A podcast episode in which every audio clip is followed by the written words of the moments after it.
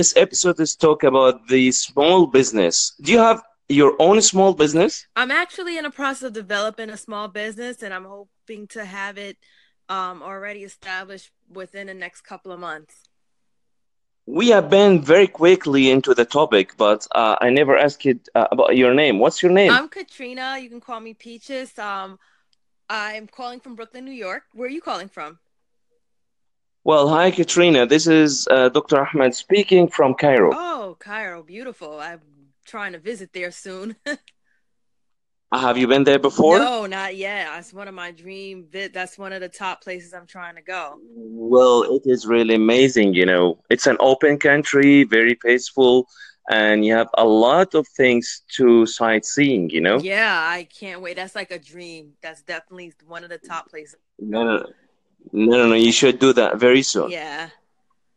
Um, okay, so back again to your um your small business what kind of business you're trying to develop well right now um, i'm trying to earn passive income i've discovered that um, i've been taking courses in uh, life coaching and meditation and also i have a bachelor's degree in marketing so i would also like to start an at-home business part-time in seo marketing okay.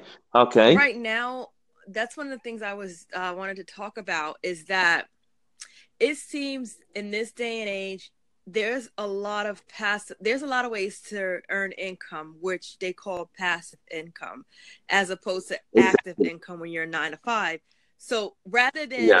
focus on just one particular business i want to yeah. have other things lined up like being able to how they say earn money while you sleep where you have like uh, passive income, you have a blog and you're earning that brings in like fifty dollars a month, and your other awesome. business yeah. will bring in, you know, the most income, but you still want to have like little checks here coming in. So that's my goal. Well, this what we are uh, trying to name it. Like you should have uh, uh, diversity in your income scheme. Right. Right. Exactly. Yeah. Okay, so now you mentioned a few things here, like uh, live coaching yeah. and like search engine optimization, SEO. Yes. And and you're perfect in marketing. Yes. Yeah. So marketeer can do anything and can sell anything, can make good income from anything, correct? Yes, yes, they can. They can. Um, I. So you're so rich, Katrina. I'm sorry. So you're so rich, you have a lot of money now. No, not yet. That's what I'm trying to get there. Um yeah. So I'm just, yeah. You know, like I've just been working a 9 to 5 most of you know all of, all my life and now I'm just trying As an employee. Now I'm trying. This is my first time venturing out and starting a business. Okay. You know, this is very interesting for me as we have uh, something which is called No Job, No Cry bootcamp. Mm-hmm. Okay. Mm-hmm. No Job, No Cry, it is mainly for those people, uh, they are unhappy about their job. Mm-hmm. You know, there is an, a statistic uh, which is coming from Gallup, it's an American research company. Mm-hmm. It tells that uh, almost 88% of the employees they are unhappy about their jobs for different reasons you right. know also is targeting people uh, they see that nine to five jobs are not really you know meeting their life expectations. Right. And also it targets those people they are they have small business but it's not doing well. So this boot camp it takes people you know into a closed boot camp uh, in one of the uh, cities in in Egypt, which is called Ain Sukhna, mm-hmm. for four days, very close boot camp, men and women, and it tells you everything, and it lets you apply everything about small business under supervision of at least ten business consultants. Wow, that's uh, that's so. This is a program in in Egypt. Exactly, we do that, and we have many participants from you know uh, different countries worldwide, and it is well designed under or it's using uh, a technique which is called knowledge injection technique. So is this like mentors? So it's like a lot of mentors. Exactly, exactly, exactly. So you have the mentors working with you. You know what? The life inside this boot camp, it is um, uh, it is starting like six uh, six a.m. Mm-hmm. and it ends at twelve midnight. Just imagine that you're working from six a.m. till twelve uh, midnight. Well, yeah, that's what a lot of entrepreneurs do.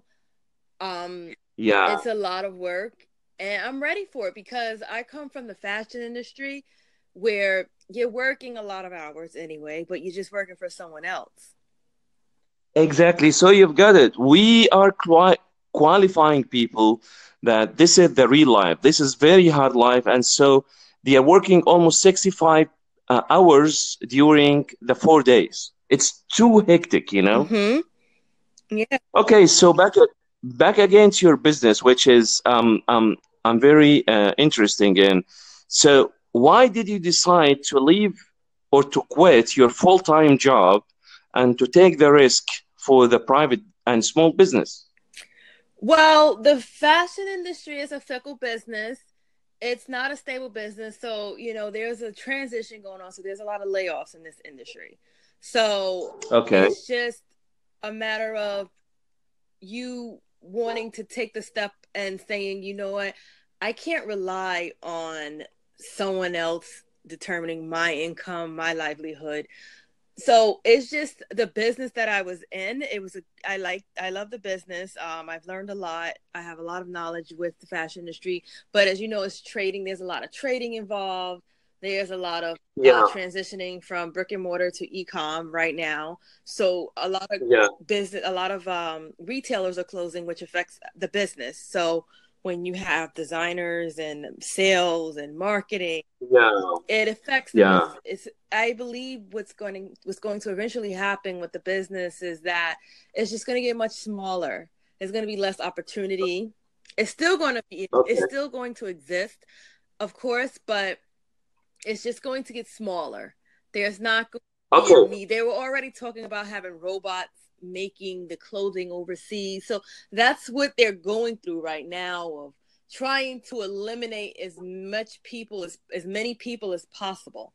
So I don't want to yeah. be a certain age and be like 50 or something or almost retire and then I have to start all over.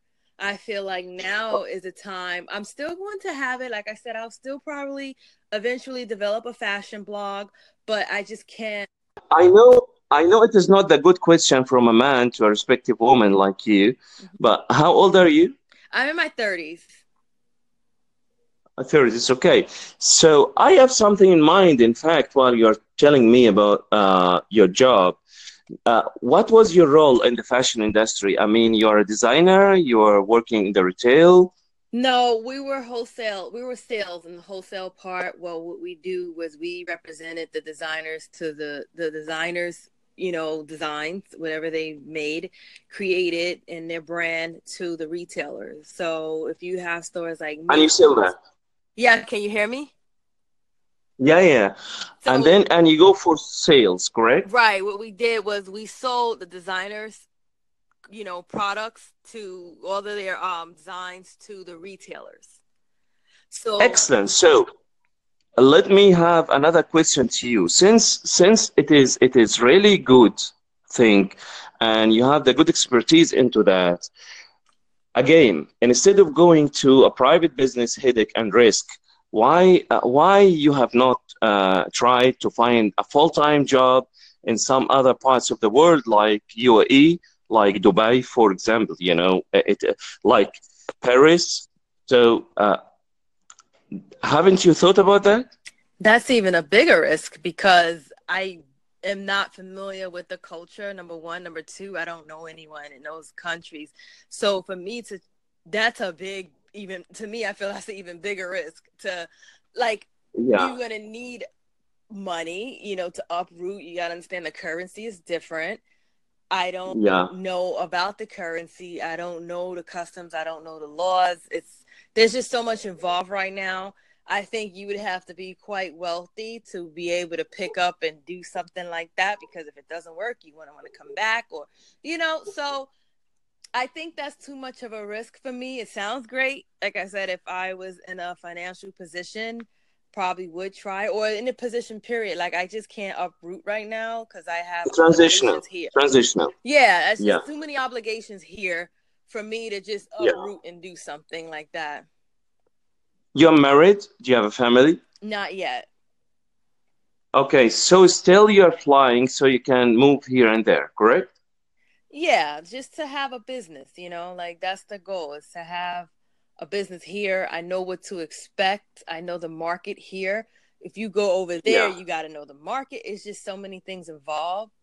And you would have to do a lot of research, which would be wise to at least do research for like about a year before you make that jump. You don't know what the economy is like. I don't know anything about.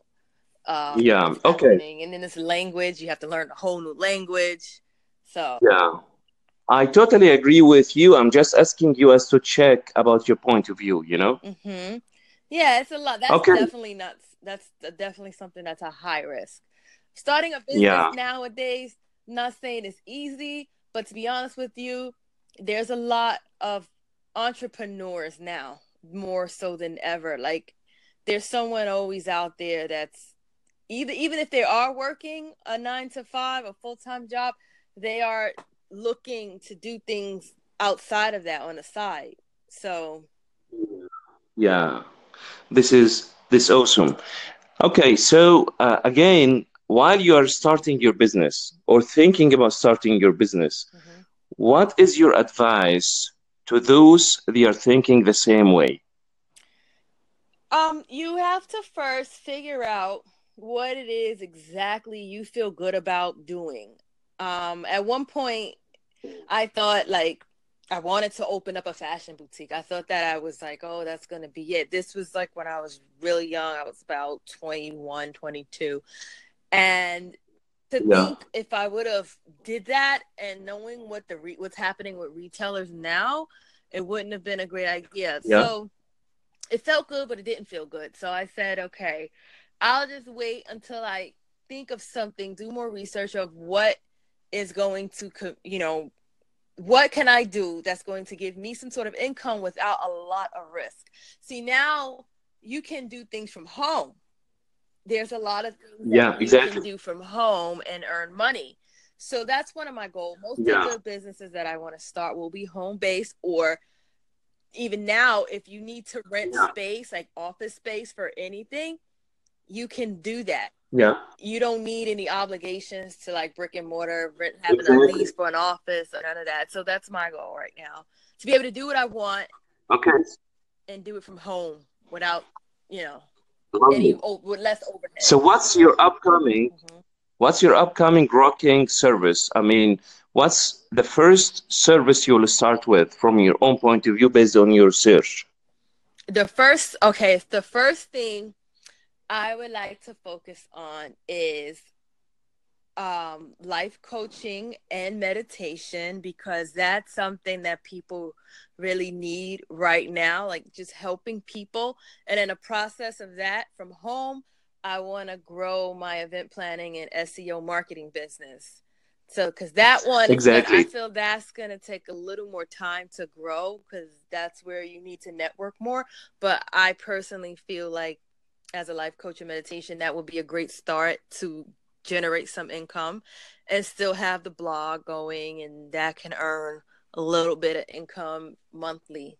And and why why you think that many people would need the life coaching now? Because um from experience, like I've had a lot of ups and downs, especially career wise. Like and I'm not to say that I'm perfect or I'm 100% clear. We're all not. I just think a lot of people need someone to talk yeah. to.